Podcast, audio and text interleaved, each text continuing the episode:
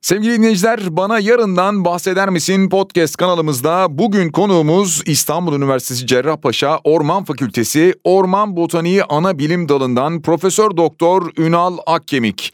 Ünal hocam merhaba hoş geldiniz. Merhabalar hoş bulduk Güçlü Bey sağ olun. Hocam şu anda elimde sizin kitabınız var. Editörlüğünü yapmış olduğunuz Türkiye'nin bütün ağaçları ve çalıları kitabı var.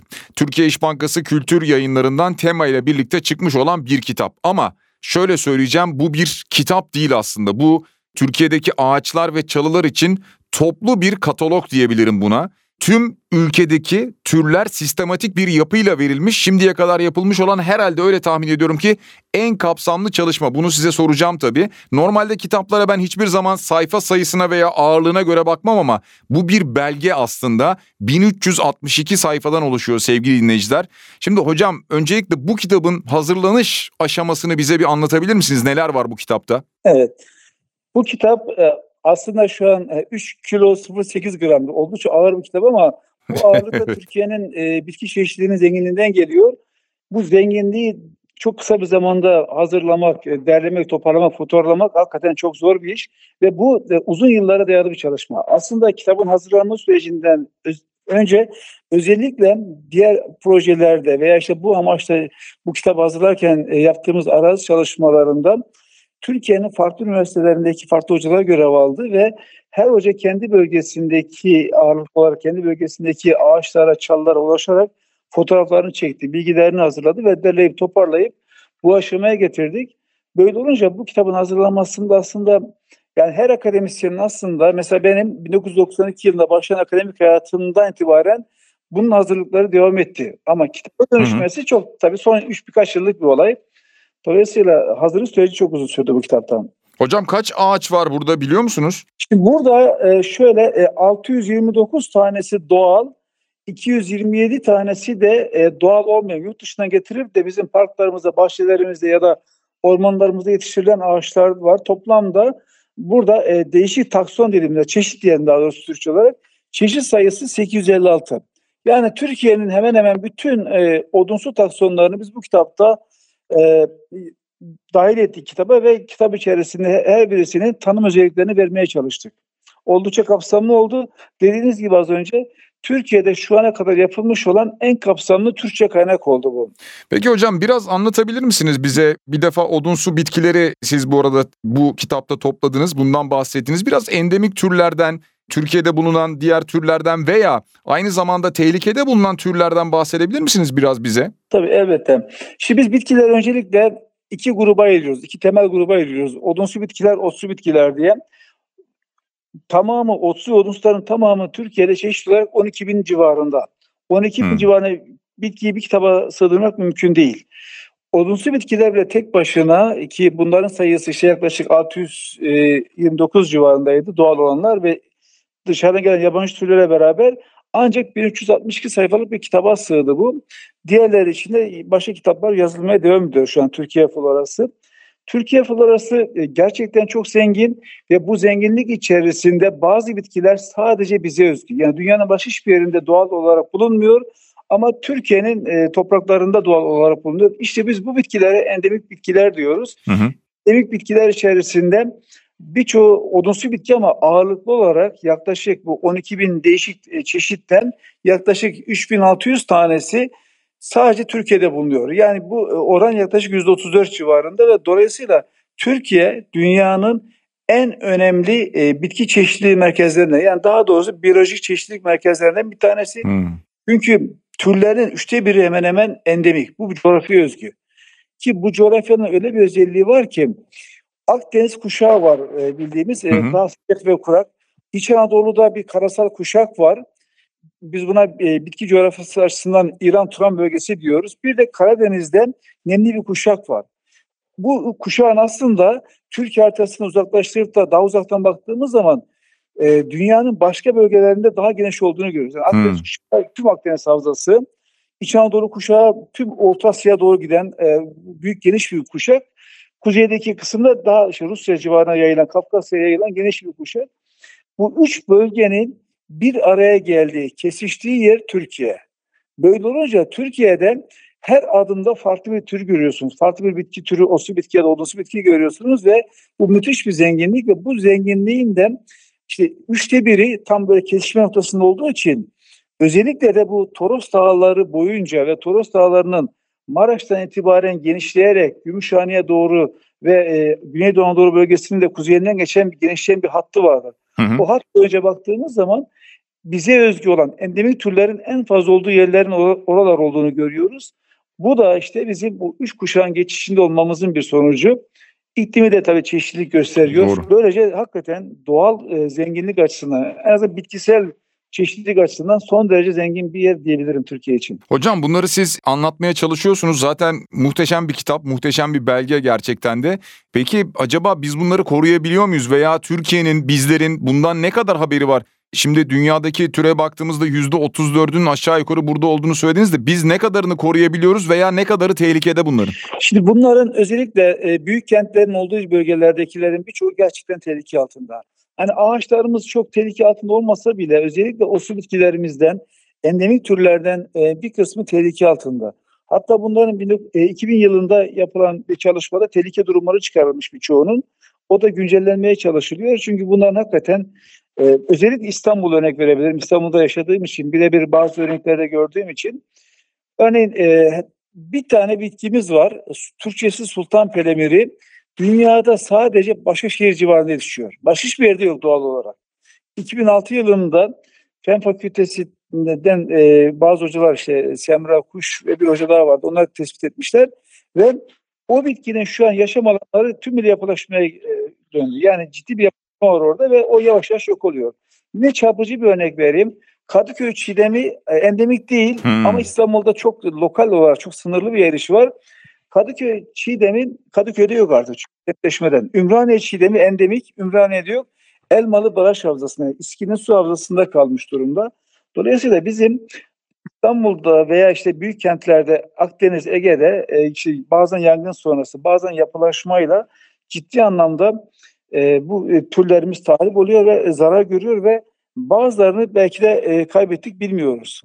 Hatta son günlerde İstanbul bu konuda biraz daha hani e, nüfusun çok fazla olması ve hmm. özellikle arazi e, kullanımındaki dönüşümün yani doğal alanlardan yapay alanlara dönüşümün en hızlı olduğu yer, en fazla olduğu yer İstanbul olduğu için burada işte bazı çalışmalar yapmaya çalışıyoruz doğrusu şunu gördüm mesela ben kendi çalışmalarımdan. Bir başka kitabım daha vardı benim. İstanbul'un Doğal Bitkileri diye kitap. Onun sonunda da gördüm bu şeyi. Aslında 2200 tane tür var İstanbul'da. Tüm E, Türkiye'deki bitki top çeşitleri yaklaşık dörtte biri İstanbul'da. Ama arazide ben bunun ancak bin tanesini görebildim. Bir başka e, ekip çalıştı. Biyolojik çeşitliliğini çıkarmaya çalıştılar. O ekip de yine bin civarında 950 e, bin arasında bitki çeşitli arazide gördüler. Fakat e, baktığımız zaman daha geride bine yakın bitki var. O bitkiler ne durumda bilmiyoruz. Yani gerçekten var mı? Literatüre mi yanlış girdi? Yoksa bu bina evet. yaklaşmadan dolayı zarar mı gördü bilmiyoruz. Hmm. O açıdan biz aslında bitkilerimizin önemli bir kısmını sadece büyük kent çevresindeki bitkilerimizin önemli bir kısmını belki de e, yavaş yavaş kaybediyoruz. Tür çeşitliliği azalıyor. Bazen şöyle bir yanlış algı da ortaya çıkıyor. Onu da hemen e, belirtmem gerekiyor. Özellikle İstanbul kentine baktığımız zaman diğer kentlerde bir sürü doğa bitki, bitki görüyoruz. Yollarda, kaldırım kenarlarında, açık evet.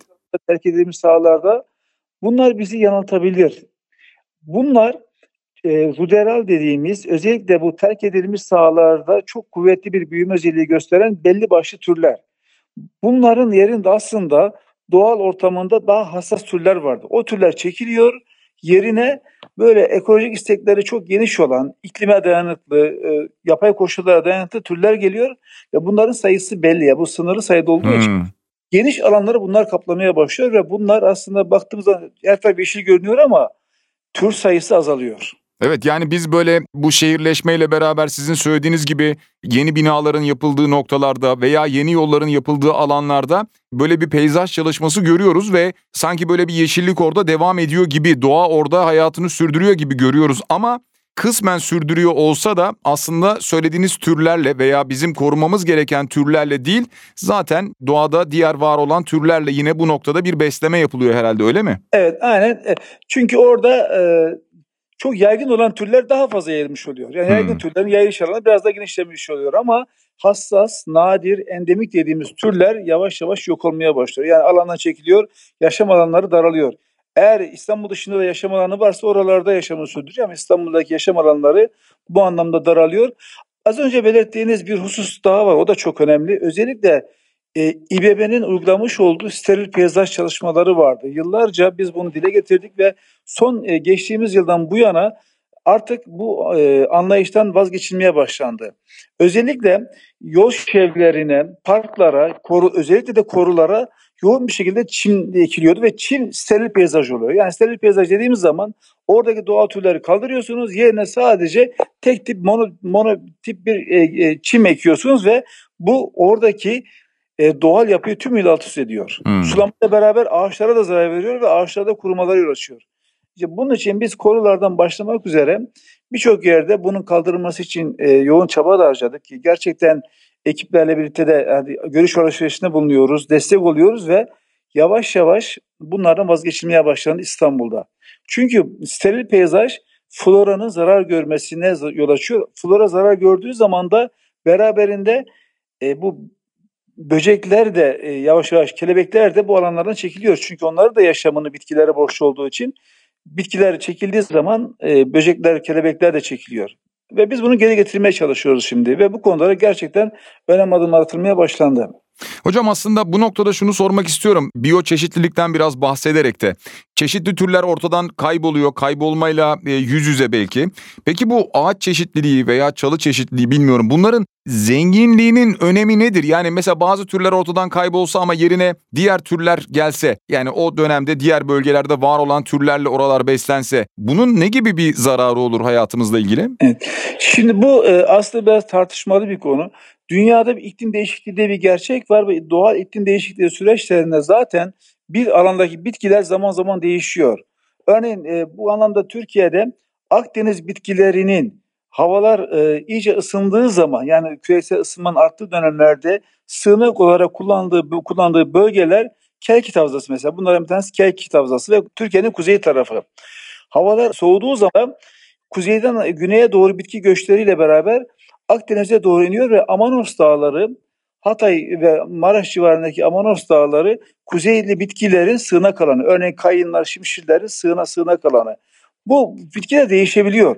Ama şimdi yapay süreçlerde bu değişim olduğu zaman, hızlı değişim olduğu zaman her bir değişim orada e, özellikle diyelim İstanbul'da çok değişik bitkiler dikildi ve bu bitkiler getirilirken getirilmesi esnasında karantina yönetmeliğine tam uyulmadığı zaman e, ya da işte iklime tam bu bitkiler uymadığı zaman toplu ölümler, böcek zararları, hastalıklar ortaya çıkmaya başlıyor. Örneğin son yıllarda İstanbul'da ve daha başka kentlerde de aynı sorun var.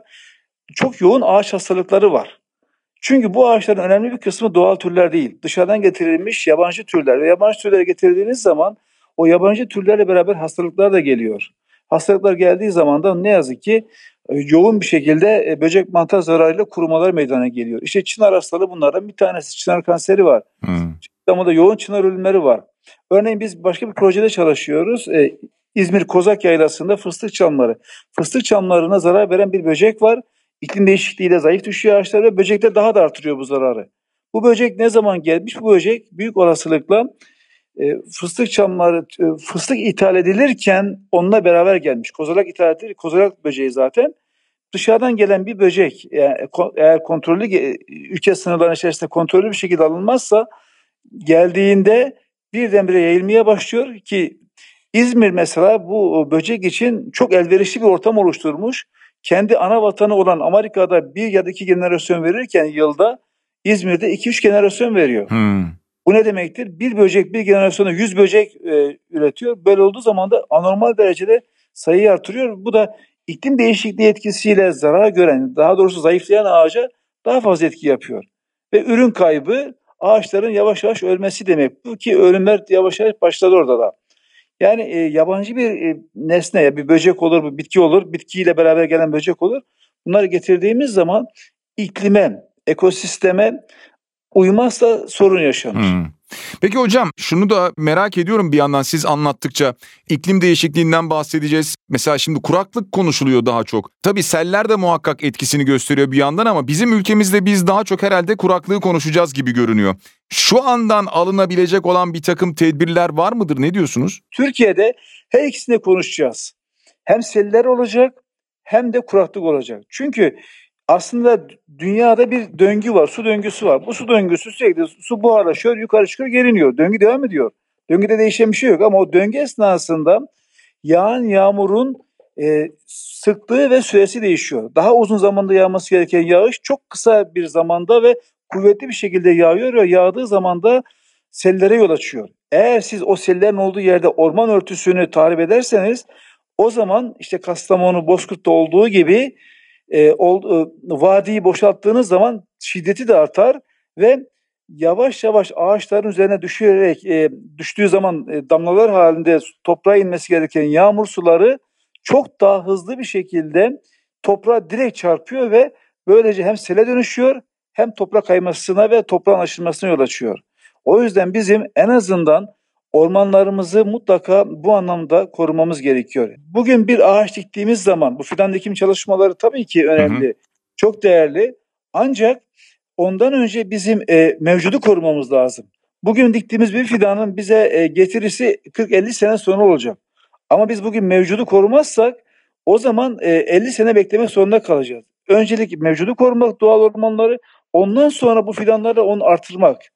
Dolayısıyla şu an e, belki toplum bunun farkında değil ama çok yoğun bir şekilde ormanlarda üretim var, ağaç kesimleri var. Ormanlarımız çok yoğun bir şekilde seyrekleşiyor.